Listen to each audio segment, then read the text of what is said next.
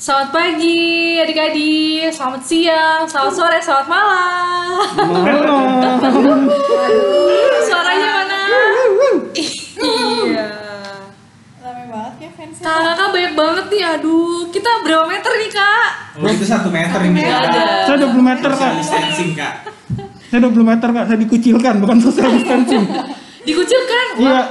Kayaknya sangat eh, ini eh, ini banget ya, relate sama topik kita di hari ini ya. Emang apa tuh kak topik kita hari ini kak?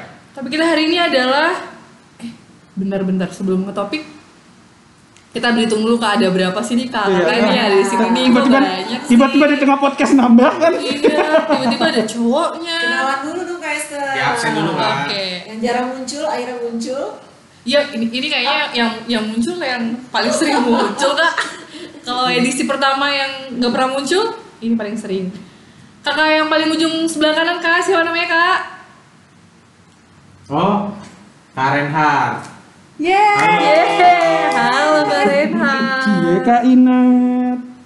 Ada kaleo, ada kaleo, ada kaleo. Biar kalian gak usah nanya-nanya lagi. Tadi ada suara kaleo, ada kaleo. Bosan-bosan denger suara kaleo. Enggak dong, kalian. Kalau nggak ada kalian nggak ada yang ngajar PT coy. Iya. ya kan? Dia kan APT. Kak Deborah paling semangat nih gimana aku nggak suka menahan diri ya. Eh, sapa dulu dong, Kak Deborah. Halo, Sapa dulu dong. Dan yang paling cantik di antara wanita-wanita yang ada nih. Ibu-ibu kita ada Oh iya, yang kita ngerti Karena cuman kakak ini yang udah laku. Oh, iya. sorry sorry sorry. Udah punya dua anak lagi. Betul, betul, Iya, betul, betul. Dia paling cantik. Kak Diana. Halo. Kak. Nah, teman-teman.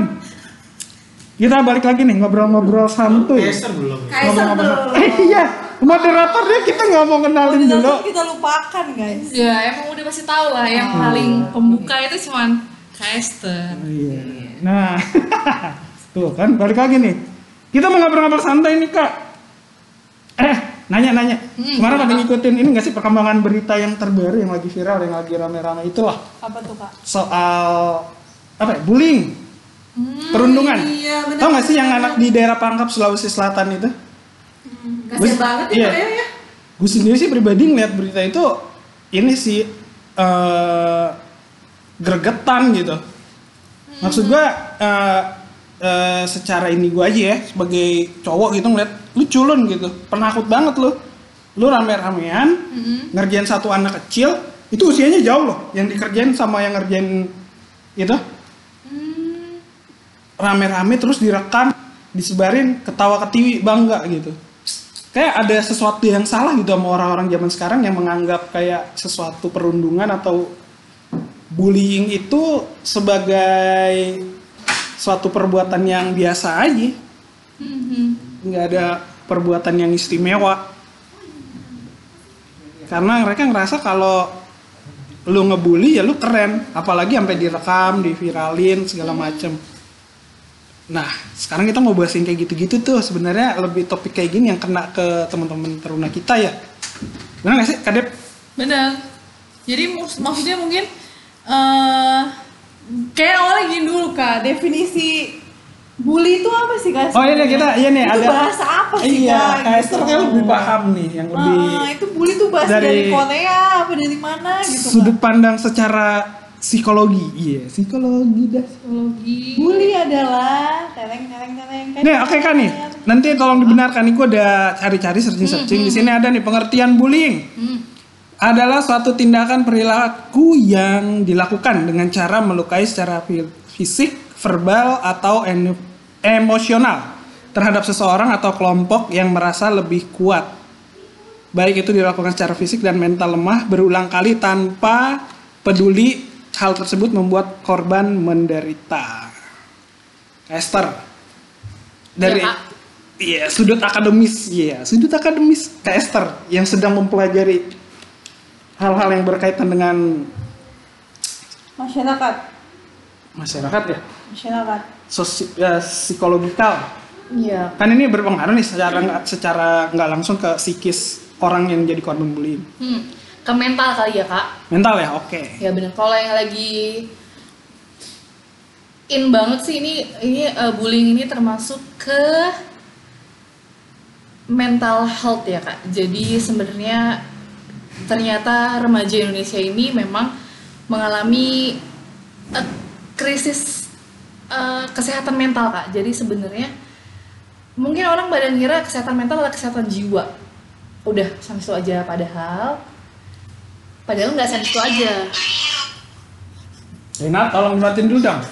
Iya iya iya itu Intermezzo, intermezzo. kayak instastory siapa itu, ya kak? AdSense, AdSense. Oh, iya, Cuman iya. belum bayar jadi nggak jadi. Oh. Bener bener bener bener. Lanjut lanjut kak. Oke lanjut. Benar sih yang tadi kalian udah sampaikan, pengertiannya benar itu salah satu tindakan dan biasanya kak itu tuh dilakukan bisa satu orang, bisa satu kelompok dan yang parahnya kak itu bisa menimbulkan perasaan puas kepada si penindas. Artinya kalau puas dia bisa nagih. Nah, itu kalau dari bahaya si sebenarnya kita nggak bisa bilang si A yang bully ini salah enggak juga kak artinya kan sebenarnya dia juga memiliki kesehatan mental yang terganggu harusnya dia juga sakit jadi harusnya dia itu diperbaiki dulu supaya dia tidak menyakiti orang-orang di sekitarnya Hmm, gitu kak Gitu. Gue gue tertarik nih sama yang disampaikan Caster tadi sampai bisa menimbulkan efek nagih. Berarti adiktif ya? ya betul betul kayak Berarti udah kayak narkoba juga dong ya? iya Bener gak sih? bener-bener Berarti Dan kayak dia punya ya? iya ada kepuasan tersendiri kan Dep ya? Berarti kayak berarti bisa dikatakan orang yang ngebully tersebut dia memiliki eh, dalam tanda kutip gangguan dalam kesehatan jiwanya dong. iya Gangguan mental tadi mungkin ya. Iya, jadi dia ngerasanya bisa lebih kuat, dia ngerasa lebih Jago, dominan, dia iya. bisa ngontrol orang Iya. gitu. Dan itu pun satu kita sepakat itu adalah sebuah eh, masalah kesehatan di mental dia. Hmm. Jadi kalau kalau orang di sekitarnya atau bahkan orang tuanya sendiri tidak menganggap itu masalah, dia bisa jadi troublemaker di mana pun dia berada Hmm. dan menimbulkan korban-korban banyak yang ya yang jadinya semuanya terganggu jadi dia kayak sumber masalah gitu Itu awal mulanya sampai pada akhirnya dia bisa timbul eh, sikap kayak tadi pengennya dominan, berkuasa, egois dan segala macam karena apa sih kak? Apakah karena ada efek de- misalnya di lingkungan terkecilnya dia keluarga dia kurang per- diperhatikan, Hmm, kurang dihargai kah atau bagaimana? Eh, oke biasanya sih eh, macam-macam kak. Ada yang memang itu sifatnya eh, dia rasa ketika dia dia merasa terancam atau merasa tersaingi sama orang di sekelompok dia. Atau dia sudah biasa di, di- dibesarkan dari keluarga yang membanding-bandingkan dia. Eh, misalnya eh, hal-hal yang memang dia seharusnya dia mendapatkan perhatian dari kecil sama atau bahkan penuh tapi itu tidak dia dapatkan Hmm. jadi eh, biasanya dari situ dari perlakuan kecil-kecil sehari-hari lebih dominan di rumah sih kak. Gitu makanya sebenarnya kontrolnya itu penting banget kita sebagai eh, orang tua atau yang tahu ilmu bahkan belum jadi orang tua itu penting banget untuk kita tahu bahwa parenting di milenial ini penting banget penting ya berarti peran keluarga sendiri yang punya peran ya Yes. untuk ngebentuk si orang yang tadi ngebully tadi Benar, si anak Eh, tersebut. eh, eh. kayak tadi dari kasus yang udah gua angkat pertama itu berarti mungkin even dia udah dewasa pun dia tetap butuh perhatian berarti ya kayak Oh iya iya, pasti kak pasti kak. Karena kan itu kebutuhan manusia kan ada Iya. segitiga hierarki tuh. ya Ha, paling atas itu sebenarnya semua manusia tuh eh, ingin mencapai puncak paling atas itu merasa merasa dicintai dan eh, eh, merasa dicintai dan diberikan kasih sayang. Itu segitiga Maslow kalau saya kalau aku nggak salah. Oh. Jadi pencapaian seseorang itu akan ngerasa dihargainya kalau memang dia ngerasa itu. Tapi kalau dia tidak merasakan itu, sebaliknya dia akan mem- dia akan eh, merubah perilaku dia menjadi yang lebih parah. lebih parah ya oke kadep diem diem aja benar aja pengalaman lagi Lagi- mikir. Kayak kayak dua SKS ya, aku Iya. ngomong tadi ya.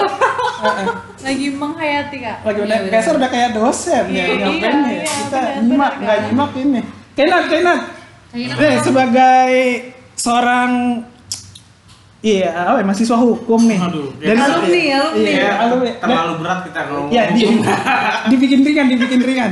S S S apa kak? Es teh manis. Aku lupa. SH, SH, SH. Oh ya aduh. Sarjana hukum, sarjana hukum. SH. Mau nyebut es cendol kak? Kirain es teh manis, Kak. Nah, Kak Inat, kan biasanya kalau Pak, dari sudut pandang hukum aja deh, maksudnya Hmm. dengan bahasa yang ringkas, jelas dan pak ya, ini aja gampang dimengerti. Banyak kayak pelaku bullying itu terjadi di lingkungan anak-anak sekolah, apalagi kayak teman-teman teruna gitu.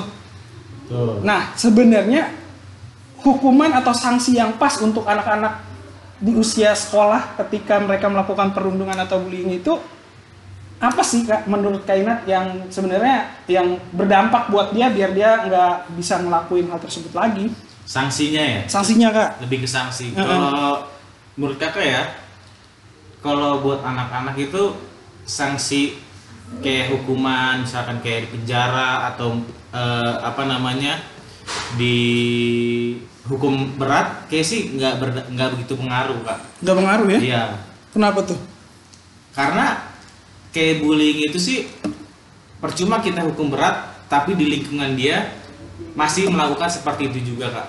oh Karena kebanyakan kalau anak-anak itu melakukan bullying itu paling besar karena faktor lingkungan. Apalagi ya kalau zaman kakak dulu nih, pasti adalah zaman-zaman geng-gengan.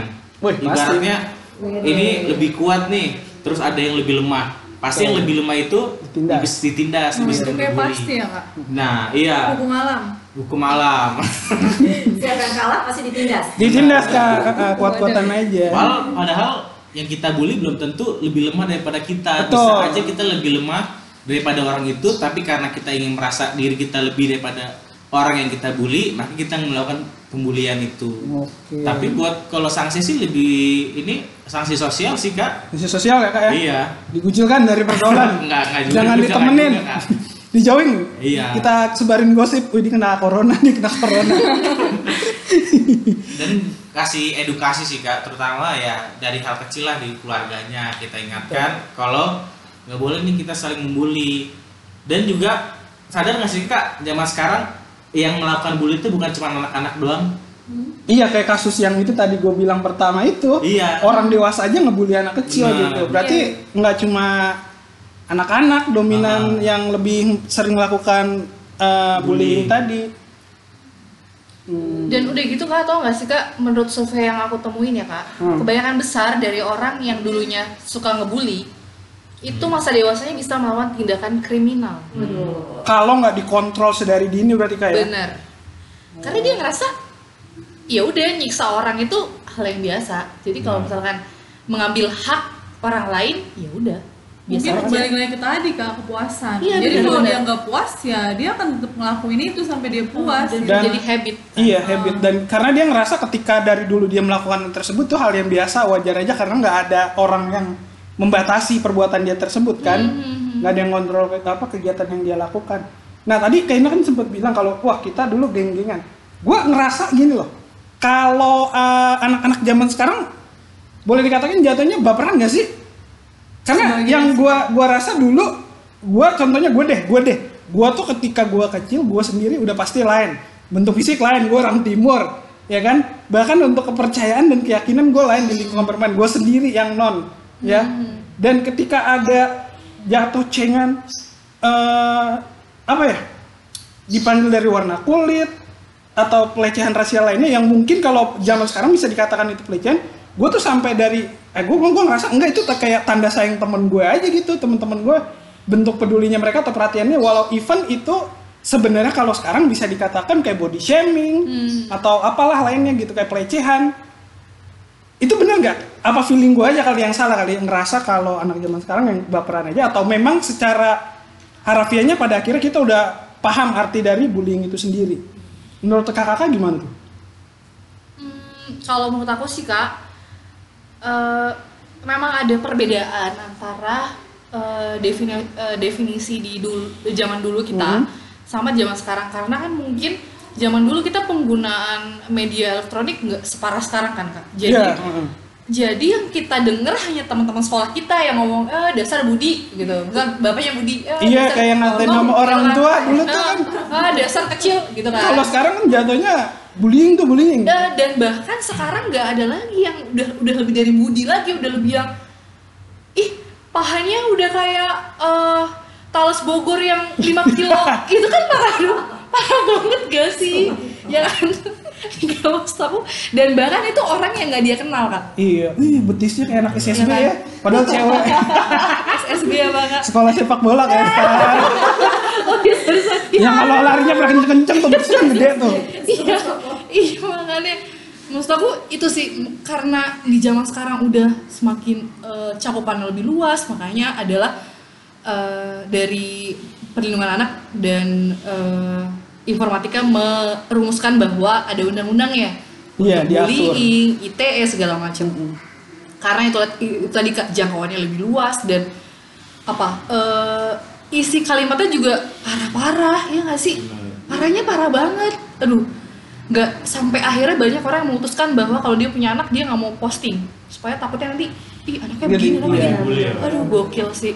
Cyberbullying jatuhnya ya. iya gitu. Jadi eh, ka- eh, that's why kenapa kita dulu ngerasa ah itu kayak bukan bully deh itu karena ya teman-teman kita doang teman satu kelas nggak pernah tuh dari kampung seberang datang-datang enggak enggak kan ribut yang ada Iya. ya bisa-bisa apa kak tarkam Tarkam ya. Tawuran antar kampung. oh gitu sih kalau Tarkam ya. Di Bora tuh biasa tarkam tuh. Tarkam. Atau kayak kalian ketika cewek-cewek gitu, eh, zaman sekolah kan ada geng-geng geng kelas atau geng gimana? Geng gong kalau kata di Bora. Ya, itu kan suka nggak sembarangan lu boleh manggil ya kalau lu nggak sedekat banget gitu. Atau contoh kayak gini deh, kayak orang-orang di daerah Jawa Timur, daerah Jawa Tengah kadang suka manggil Jan ya. gitu. Di disensor ya? Cu cu. Iya, iya. atau Cu- cu. cuek di belakangnya ya kan? Atau kalau orang Jawa Jawa Tengah orang Solo atau orang sekitaran Jogja ba-nya gitu. Itu kalau nggak akrab-akrab banget akan jatuhnya kayak kayak kita eh lu siapa baru kenal ngatain kan nggak mungkin gitu kalau mungkin gue sama Inet manggil eh Nyet apa kabar? It's okay karena gue sama Inet kenal Kalau akrab. Oh, belum. Nah, kayak kayak gitu kan jatuhnya bisa disebut juga eh, bullying ya kan? iya ya kak secara verbal. Nah, mungkin ya tadi lagi seperti yang disampaikan sama Kak Esther, teknologi memiliki peran untuk merubah paradigma arti dari bullying itu tersendiri ya. Misalnya kalau dulu hal yang dianggap kita itu biasa aja lumrah, kalau zaman sekarang karena beredar apa dengan berkembangnya teknologi, berarti pergeseran arti dan pergeseran maknanya jauh lebih luas lagi. Betul, Makanya betul. sekarang segala sesuatu diatur sama undang-undang. Bahkan sampai sekarang kalau dulu zaman gue sekolah tuh kalau cewek kelas lain lewat depan koridor kelas aja tuh di switch cewek gitu it's okay gitu. Bener. ya kan kadang ada yang maksud gue eh, ceweknya ada yang senang mungkin ada yang risih. Bener kadang ya gue kan? seneng tuh kadang gitu. Ya ya ya catcalling catcalling istilahnya. ya. Istilahnya. catcalling catcalling ya kan? Kayak gitu kan dulu it's okay biasa ya. Sekarang udah diatur undang-undang loh. Bisa aja sekarang lu event lu itu seneng lu tiba-tiba bermasalah sama tuh orang. Bener. Oh lu pernah ini catcalling gua, gua laporin lo kayak gitu. Bisa kan dihukum s- pakai apa pidana apa pidata tuh karena tuh kayak gitu jatuhnya tuh. Jangan itu kan. Pidana ya perbuatan tidak menyenangkan. Tuh kayak gitu-gitu. Itu juga udah termasuk bullying, udah diatur dalam undang-undang. Nah, eh daripada kita ngebahas gini gimana kalau pendapat dari yang udah punya anak. Iya. Pernah nggak sih anaknya dicurhatin? Iya, iya, curhat. dicurhatin soal bullying di sekolahnya. Kak Otiata pernah nggak sharing-sharing cerita apa gitu? Oh gitu ya. atau dari sudut pandang eh, orang, tua. tua. orang tua seorang ibu mengenai bullying ini sendiri Iya. Tadi yang Kak Esther katakan bullying itu adalah tindakan di mana satu orang atau lebih ya mencoba untuk menyakiti atau mengontrol orang lain ya. Puji Tuhan ya eh, adik-adik Kak Diana, Oti dan Ata tuh nggak pernah dibully gitu ya, gitu nggak pernah disakitin. Tapi kalau orang tua ya, kalau misalnya eh, Kak Diana mandangnya secara umum gitu ya. Kalau misalnya orang tua melihat anaknya dibully itu sedih banget loh kak, gitu ya. Karena kenapa? Seorang anak kecil ini masa depannya kan masih panjang, Benar. ya kan? Genera- mereka menerus generasi daripada orang tua. orang yang dibully itu beda-beda. Ada yang langsung sakit hati, Iya. ada yang biasa gitu ya. Ada yang biasa Hmm. jadi motivasi, ah biasa, biarin aja gitu kan. Nanti gue bisa lebih baik lagi. Tapi ada yang langsung putus asa. Nah, itu dia kita yang harus menghindari seperti itu, Kak. Jangan sampai dia putus asa, dia di rumah, dia nggak mau ke mana-mana. Orang tua kan yang susah kalau seperti itu kan. Betul. Heeh. seperti yang kita lihat kasus yang tadi Kalio eh, ceritakan di awal ya, Iya. seorang anak yang bernama siapa? Kak? Siapa Rizal gitu namanya? Nah, dia ini eh, dia tuh tidak mengecewakan orang tuanya loh. Dia nggak cerita Iya. loh sama orang tuanya hebat nggak?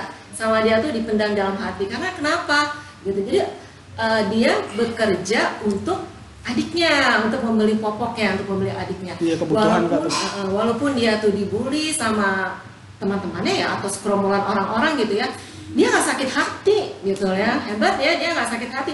Orang tuanya pun sampai nggak tahu coba gitu ya. Yang seperti itulah yang bagus gitu ya. Tapi ada juga anak yang eh, jadinya stres, depresi. Balik lagi ke mental health yang tadi Kak Esther Iya, bilang. Iya, betul, betul, gitu. betul. Itu yang nggak boleh kan, gitu itu yang nggak boleh. Padahal kan anak-anak itu kan generasi untuk meneruskan kan, meneruskan dari orang tua gitu.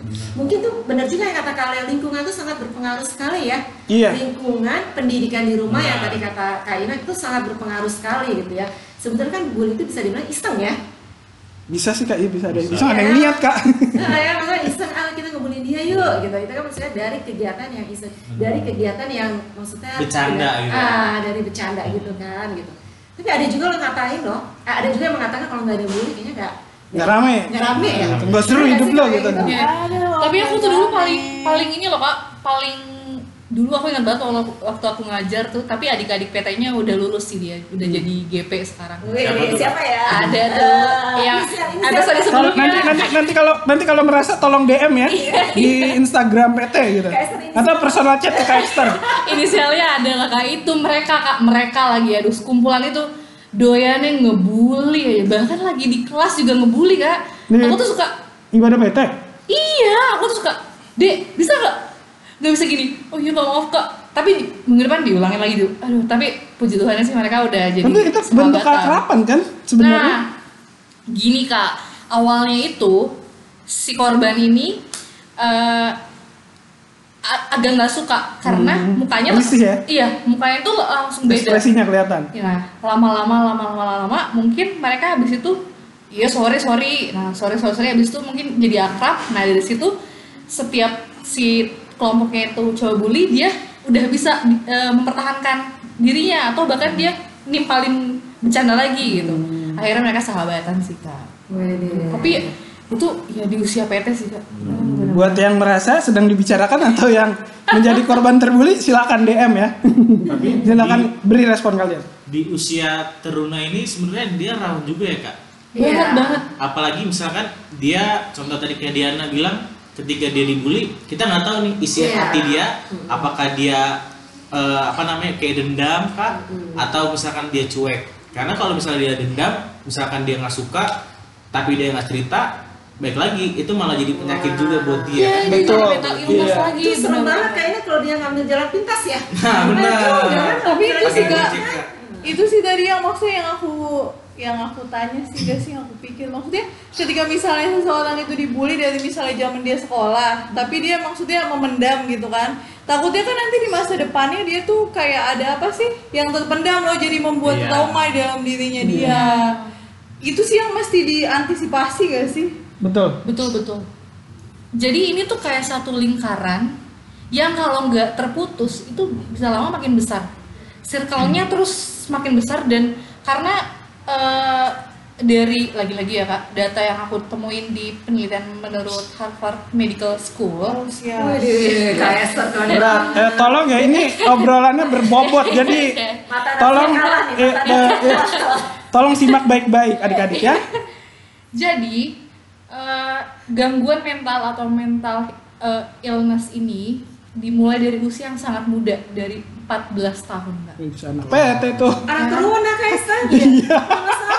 udah sedini itu jadi makanya mereka harus mendapatkan terapi dan penanganan khusus kalau enggak ya itu kak yang tadi kak Kak Deborah bilang bisa jadi nggak punya harapan nantinya bisa jadi muncul keinginan mau bunuh diri itu banyak kak banyak terus habis itu apa dia jadi takut sama keadaan dia nggak bisa beradaptasi sama Iya. lingkungan baru itu sedih sih itu sih kak paling eh, dampaknya paling apa cepat terjadi adalah dia minder kak Iya. karena ada bullying sama dia itu Berarti kak aku mau nanya, kalau misalkan adik-adik nih, misalkan aku mewakili suara adik-adik yang lagi denger nih kak, aku nggak bully, tapi temanku membuli temanku.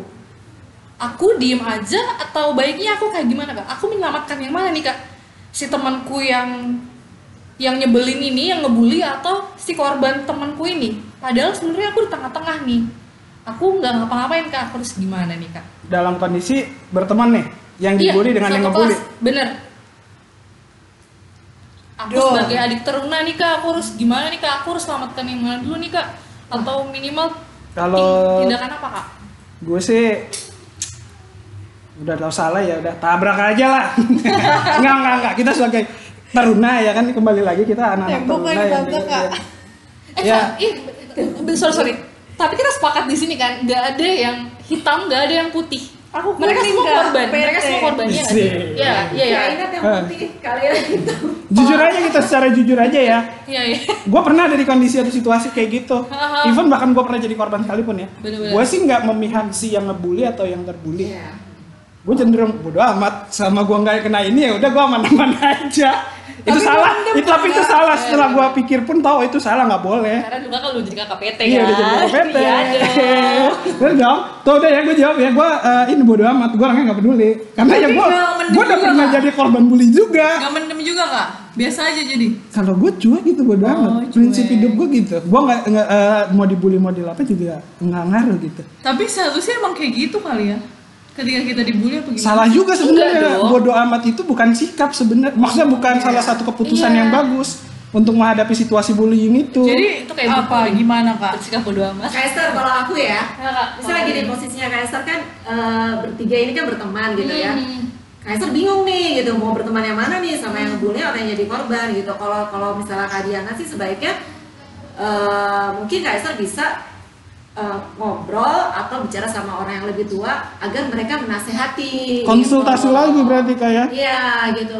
Jadi Kaisar di sini nggak nggak nggak apa namanya nggak nggak turut campur tangan di situ. Biarlah orang yang menasehati. Oh, gitu. misalnya kita bilang sama guru ya kak? Iya, oh, atau sama iya. kakak lain atau sama kakaknya gitu loh, atau sama kakak lain gitu. Kalau misalnya di se- selingkup yang tadi Kaisar bilang yang teruna-teruna itu kan, Hmm. nah mungkin bisa bilang sama kakak lain, kakak lain nanti kakak lain yang bisa menyampaikan sama adik itu.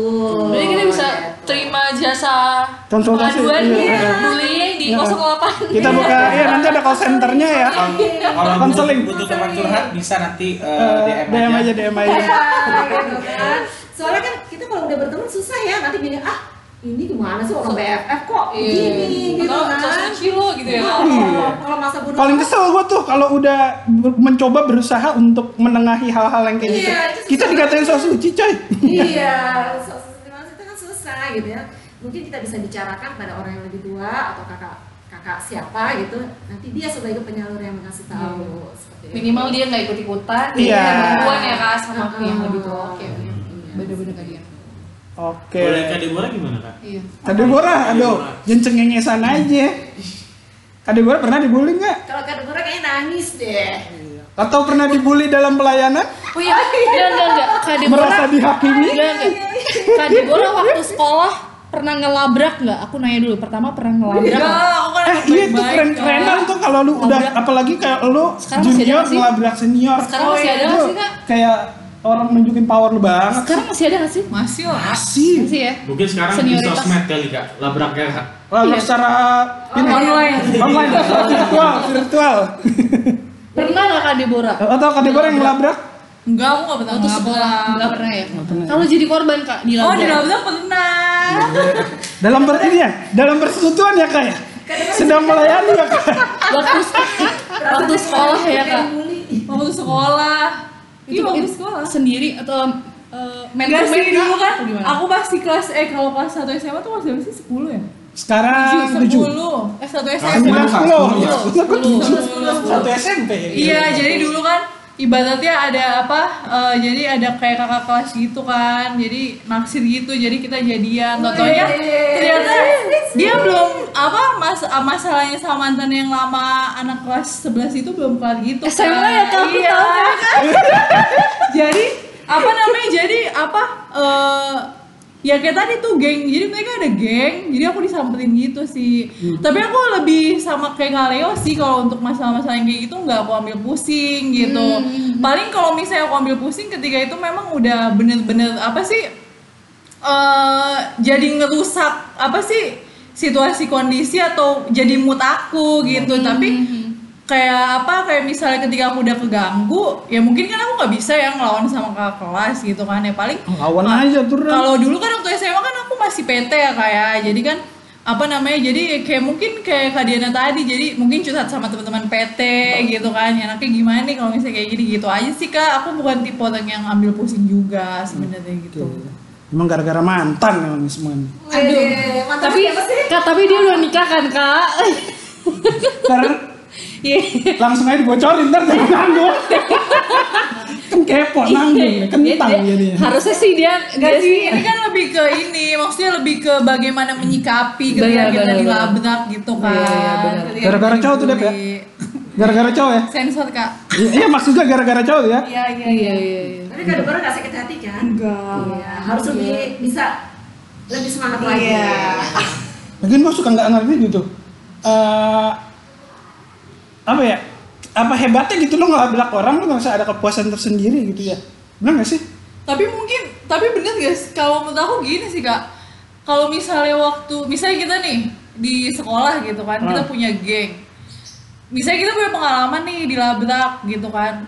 Itu bisa nggak sih nanti ketika kita jadi senior, kita jadi kayak ngela- mau ngelabrak orang juga karena kita dendam. Kemarin tuh kita pernah dilabrak. Iya, itu gitu tuh kayak ini sih apa eh, lingkaran setan kan iya ospek. Jadi ketika lu junior lu diperlakukan begini sama senior dan nanti Iya. lu punya harapan gua nanti jadi senior, bisa gitu lu gue bisa kayak Iya. gitu gue Iya. gue perlakuan kayak gitu. makanya kayak ospek atau pelo- perpeloncoan kayak gitu kan udah dibatasin kan udah nggak boleh sekarang kan Iya.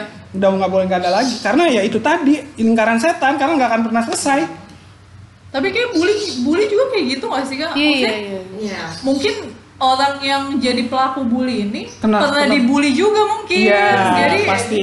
makanya dia ketika ada kesempatan Ah. atau momen ya dimanfaatin sama dia Posisinya kalau si korban bully itu setelahnya mempunyai power ya tadi Deborah kan Iya. kalau tidak jadinya itu depresi Iya, benar, segala macam itu tadi nggak tersampaikan iya gitu. iya bunuh diri ngeri juga ya efeknya ya banget apalagi Bahaya kalau kan. nggak semua orang bisa langsung kayak tadi kan ya kalau bisa langsung ceritain konsultasi kayak ke Iya, orang yang ya. ada orang yang dengan kepribadian yang introvert gitu mungkin dia Iya, merasa benar. Iya, iya. wah gue fine fine aja gitu tapi ya itu tadi semakin sering kena bulian semakin dia pendam dia pendam akhirnya meledak gitu Iya. ya kan ada yang mungkin meledak dia bisa langsung ngeluarin secara emosional atau ada yang meledak tadi kayak ya udah gue kayak ngerasa nggak berdaya deh hidup di dunia ini orang-orang banyak yang nggak suka banyak yang benci sama gue ya mendingan gue akhirin aja hidup gue gitu bahayanya bullying begitu ya Coba tanya sama Kak Inat yang udah udah ada belum sih yang dihukum tuh gara-gara bully? wow yang baru-baru ini aja kak itu yang di sosmed itu dihukum kak dihukum ya kak Dihukum ya dia. Iya. Nah, Udah sebenarnya dapet- kalau kita lihat sekarang orang ngebully itu lebih ke bukan karena dendam kak, tapi kayak kayak pengen eh, Keren-kerenan. keren-kerenan, Iya ya. Pengen dia eh, mencari pengakuan ya kayaknya pengakuan pengakuan dari sosialnya kak, dengan dia melakukan bully itu. Jadi ketika dia melakukan bully, ada kepuasan sendiri, merasa oh dia lebih daripada orang Iya. lain gitu kak. viewer ya kak viewer Iya. viewers kalau dia influencer kalau dia youtuber atau apa kayak gitu jadinya jadi ya itu jadi jadi menyimpang gak sih kayak perilaku kayak gitu Iya. kalau dulu kan cuma sebatas kayak lu nunjuk kayak tadi Esther bilang nunjukin kayak ya gue punya kuasa nih overpower gue nih bisa ngendaliin bisa ngontrol orang. Kalau sekarang jat- jatuhnya lebih kayak ke sensasi. Iya. terus kayak eh, ajang pamer keren-kerenan gitu ya kan? Dan ngerasa bahwa ya itu hal yang biasa gitu. Iya. Ya karena itu tadi dia nganggap hal biasa mungkin karena dia juga melihat dan menyaksikan hal-hal tersebut kali ya kak. Kayak misalnya kayak tontonan di YouTube video-video prank atau Iya. Ya kayak ngeprank kan ngebully juga kan ya hitungannya ya Iya, jatuh. iya, Ya kan kayak nggak ngehargai privasi orang lain. Iya, ya iya. karena dia ngeliat itu, ah ini kayaknya sesuatu yang wajar ditonton 2 juta orang. Iya.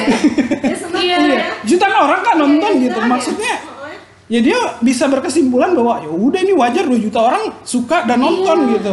terus di di sharing lagi Di sharing terus terus eh, eh. dan jadi kayak ya itu tadi kayak lingkaran setan nggak akan putus gitu Iya. kecuali emang ada konseling yang bener-bener ini lagi yang lebih apa ya lebih ketat lagi yang bener-bener nih orang kalau dihukum eh, apa di secara hukum gitu mungkin harusnya efek tuh jerahnya sedikit iya mungkin lebih ke kayak konseling kali ya Iya, tapi harusnya itu udah mulai diperhatikan sih kan. Iya. Soalnya kayak aku kemarin eh, semalam aku ngeliat video yang artis, artis ternama terus dia ngeprank sampai aku tuh coba mikir apa ya faedahnya aku Nah. menghabiskan dua Nah. menit sekian detikku untuk apa cuman bisa ngelihat oh dia kalau kesel mukanya begini? Itu, itu aja yang didapat nggak ada lagi nggak ada. Cuman kayak oh dia kalau di di prank eh, suaminya selingkuh dia nangis nangis abis itu udah maaf ya aku bercanda. Hah? dan kurang Se- ajarnya kurang itu. ajarnya banyak influencer atau orang-orang yang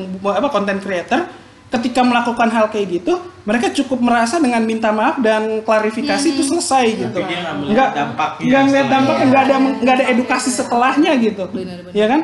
Karena ya itu tadi karena dianggap biasa kali ya dianggap lumrah padahal itu udah sesuatu yang abnormal kalau menurut faedah juga nggak sih? nggak nggak faedah juga. Aneh aku juga. Semoga adik-adik nggak pernah Iya deh. Nonton kayak gitu ya isi kontennya lebih baik yang bermanfaat lah ya yang lebih yang berbobot lebih berharga gitu. Iya yang instastorynya Kak Deborah tuh berharga. Salah, contohnya ini lah. ya contohnya ya dari podcast kita ini. Spotify. Iya, podcast ini ya, podcast ini yang berharga ya. walaupun dengan seadanya tapi isinya luar biasa Iya. Dengan kakak yang luar luar biasa, oh salah. Kak Deborah aja Kak Deborah aja yang luar biasa Gini, kita dengan- biasa-biasa aja dengan kakak yang biasa di luar Iya. eh eh PSBB PSBB hey. Biasa luar. stay at home stay at home Tetap di rumah aja. Berarti apa nih kak pesan-pesan dari kakak? Konklusinya apa nih, Kak, nih? Adik nih. dari mata apa dari pembahasan kita tentang bullying ini Kak Diana dulu deh Ya, dari Kak Diana dulu close deh. statement Kadiana Apa ya tentang bully ini ya? Eh, Adik-adik, kalau menurut kakak ya untuk ngebully ini janganlah kita lakukan, walaupun kita hanya mencoba gitu ya, mencoba pengen tahu gitu ya. Karena kita sudah lihat dampaknya, dampaknya itu eh, itu nggak baik sekali gitu ya, nggak baik sekali untuk korbannya dan untuk kita yang melakukan juga itu tidak baik. Karena seperti tadi dikatakan, kalau misalnya kita melakukan sangat vi- viral banget, kita bisa dihukum. Adik-adik kan tahu kan, negara kita itu negara hukum. Ada Jadi kita- peraturan iya, yang membatasi ya, Kak, ya? negara peraturan. Dan nanti kalau misalnya nama kita udah nggak bagus, susah deh untuk ke depannya. Untuk cari sekolah juga susah, untuk cari pekerjaan juga susah. Pokoknya adik-adik harus menjaga adik-adik saat ini. Nah itu yang dari Kak Diana. Kak Deborah Deborah apa nih Kak? Iya. Apanya nih? ya pesan apa nih Kak dari apa yang mau apa yang udah kita bahas Tentang bully ya? iya Kalau menurut aku apa ya? eh, ketika misalnya kita ada di posisi sebagai korban dari si pelaku bully itu, kalau menurut aku sih apa ya? Apalagi di zaman sekarang kan kak, eh, maksudnya kan pasti kan kalau yang namanya korban itu kan pasti sasaran empuknya tuh orang yang nggak bisa bergaul lah ya, yang mudah ditindas Iya. ibaratnya gitu kan Lemah, lemah. yang lemah Yang lah terlihat gitu lemah kan. gitu. Ha, tapi kan maksudnya aku yakin lah maksudnya adik-adik PT di sini kan pasti juga kalau misalnya bergaul itu kan pasti bisa lah bergaul. Maksudnya teman juga kan pasti banyak ya teman-teman adik eh, teman-teman adik-adik yang apa namanya eh, yang baik-baik juga. Cuman maksud aku ketika misalnya kita dibully ya itu tadi sih menurut aku ada baiknya kita jangan juga eh, memendam, tapi jangan juga kita kayak tadi yang Kalio bilang untuk yang bodo amat juga mungkin nggak bagus ya kak. Nggak bagus, bodo amat itu bukan eh, sikap. Jadi mungkin eh, ya itu tadi kan kita punya orang tua di rumah gitu kan, Iya. mungkin kita bisa sharing gitu kalau misalnya memang itu sudah mengganggu pikiran kita. Ya kita bisa sharing atau mungkin ke yang lebih tua ya kak yang Iya. bisa Yang memberikan dianggap kita bisa dipercaya Ah, lah. memberikan Iya. kita masukan Orang tua. gitu. Jadi eh, ke depannya pun akan bagus untuk mental kita gitu. Jadi kita nggak nggak jiper, nggak nggak malu gitu kan. nggak minder, ah, ya. nggak minder, lebih tetap percaya diri lah tetap punya rasa percaya diri gitu ketika menghadapi apa sih sesuatu yang mungkin menurut kita itu membuat Normal. kita- eh, normal gitu ya benar-benar ya itu aja sih paling dari aku kalau sama satu lagi mungkin apa namanya ketika misalnya teman kita ada yang menjadi si pelaku bully ya gitu kan mungkin kita bisa juga sih negasin ke dia ketika misalnya dia bully itu memang misalnya secara fisik atau kayak gimana atau mungkin fisik atau apa gitu ya mungkin dari ras apa gimana. Mungkin ini sih kak kita bisa bilang ke dia gitu kan sebagai teman deketnya kalau misalnya menegur itu nggak mesti harus dari bully gitu loh. Kita bisa negur mungkin ke dia tuh dengan baik-baik. Eh lu misalnya rok lu kependekan nih gitu. Kalau misalnya rok lu kependekan kayak gitu kan nanti takutnya lu dibully nih. Misalnya jadinya kayak gimana apa kayak gimana gitu jadi mungkin maksud aku lebih negurnya tuh baik-baik gitu kak maksudnya ngasih taunya tuh baik-baik jangan Menegur dengan kasih. iya menegur dengan kasih jangan jatuhnya Ucap ya ada Itu kan kadang unsur-unsur alkitabiahnya. jangan jatuhnya tuh jadi ngebully buat si dia Iya, yang kita ngejudge lah jatuhnya, ngejatuhin gitu. dia orangnya. Ah, itu aja sih Itu aja Kak Deborah ya. Kenat, Kenat, apa Kenat? Kalau dari kakak ya, kalau misalkan temen-temen nih bisa jadi korban, kayak tadi Kak Deborah juga, ketika, kita jadi korban, kita nggak usah nggak usah pusingin, nggak usah kita menendam, dan paling penting nggak usah kita minder. Kita ya udah, oke itu anggapnya itu masukan buat kita, mungkin ang- masukannya nggak baik, tapi eh, buat itu supaya jadi kita lebih baik lagi. Dan eh, buat kalian juga misalkan kalian bersosialisasi yang paling penting adalah kita harus pikir nih eh, apa yang kita ucapkan apa yang kita perbuat apa yang kita lakukan. Karena apa yang kita lakukan itu semua ke orang lain belum tentu orang lain bisa menerima nah, iya benar tuh apa yang kita omongin gitu. Dan belum tentu juga orang lain itu bisa anggap eh, bisa terima masukan kita dengan baik. Bisa aja dia malah sakit hati bisa aja eh, malah dendam sama kita. Baik lagi juga sama kita tadi kayak Kak Deborah. Penyampaian kita harus lebih baik lagi penyampaian kita harus bisa lebih sopan jangan sampai membuat sakit hati orang lain karena dampaknya bukan sekarang tapi nanti-nanti ketika dia gede dia merasa oh gue pernah dibully nih oh gue pernah kejadian seperti ini kayak Jadi gitu Kak. insecure ya. bener Insecure. malah jadi nggak baik buat dia juga Oke, itu dari Caster kali deh. Oh, dari caster Caster dulu. lu deh, gua gua nanti tutup aja. Yang yang yang nggak beres nggak beres gua belakangan deh. Caster, Caster. Ya kan? Pesan-pesannya nih buat adik-adik mengenai bullying ini. Kalau closing statement dari aku sih kak, hmm, ini aja.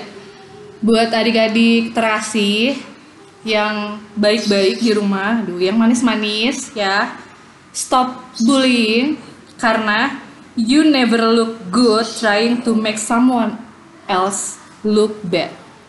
Artinya dilarang merokok. Kalian tidak akan pernah terlihat Kak. Oh, bahasa Jawanya kak kalian tidak akan pernah eh, merasa lebih baik ketika membuat seorang itu menjadi sangat buruk oke. itu aja kali ya Keras tuh ya. Star 2020 Iya. Oke tuh, yang bagus-bagus, yang keren-keren udah sih udah disampaikan sama kakak-kakak yang lain. Kalau dari kalian sih buat yang ngebully, satu, lu culun, lu cupu. Lu penakut, serius, sumpah demi apa pun gua kalau ngelihat orang yang ngebully itu ya itu dua kata itu lu culun, lu cupu. Buat yang dibully, kalau menurut gue eh ya life must go on cuy. Hidup terus berjalan. Even itu orang-orang masih tetap menggonggong, timpuknya pakai batu atau ya kita pura-pura cuek aja bodo amat sebenarnya kayak gitu tapi nggak semua orang bisa begitu. Tapi sebisa mungkin pertama ketika kita dulu kita percaya sama diri kita sendiri dulu. Kita punya kelebihan kita punya kekurangan. Yang perlu kita tonjolkan ya kelebihan kita. Even itu bisa menjadi kekurangan di hadapan orang lain tetap itu yang menjadi daya tarik atau yang bikin diri kita menjadi percaya diri. Percaya diri sama kita diri kita sendiri ya dulu ya. Tadi kakaknya udah bilang kalau emang lu merasa minder atau lu ini cari orang yang terpercaya yang bisa dipakai untuk sharing segala permasalahan ya. Jangan jadi insecure sama diri sendiri terus ya pada akhirnya menerima aja gitu. Oh yaudah gue dibully gue layak kok gue pantas. Enggak jangan kayak gitu. Percaya dan yakin sama diri sendiri. Itu aja sih kalau pesan dari Kaleo mengenai bullying ini. Oke? Buat teman-teman kasih mungkin itu aja sih ya kakak-kakak yang bisa kita ceritakan kita obrolin santai hari ini Next, kalau ada topik apa yang mau perlu kita bahas DM dan kita dong. sampai DM dong, DM dong. Iya, kira-kira Nah. apa nih yang mau kita bahas? Kak Deborah kes- itu sepi direct Instagram. DM Kak Deborah jangan DM ke IGPT.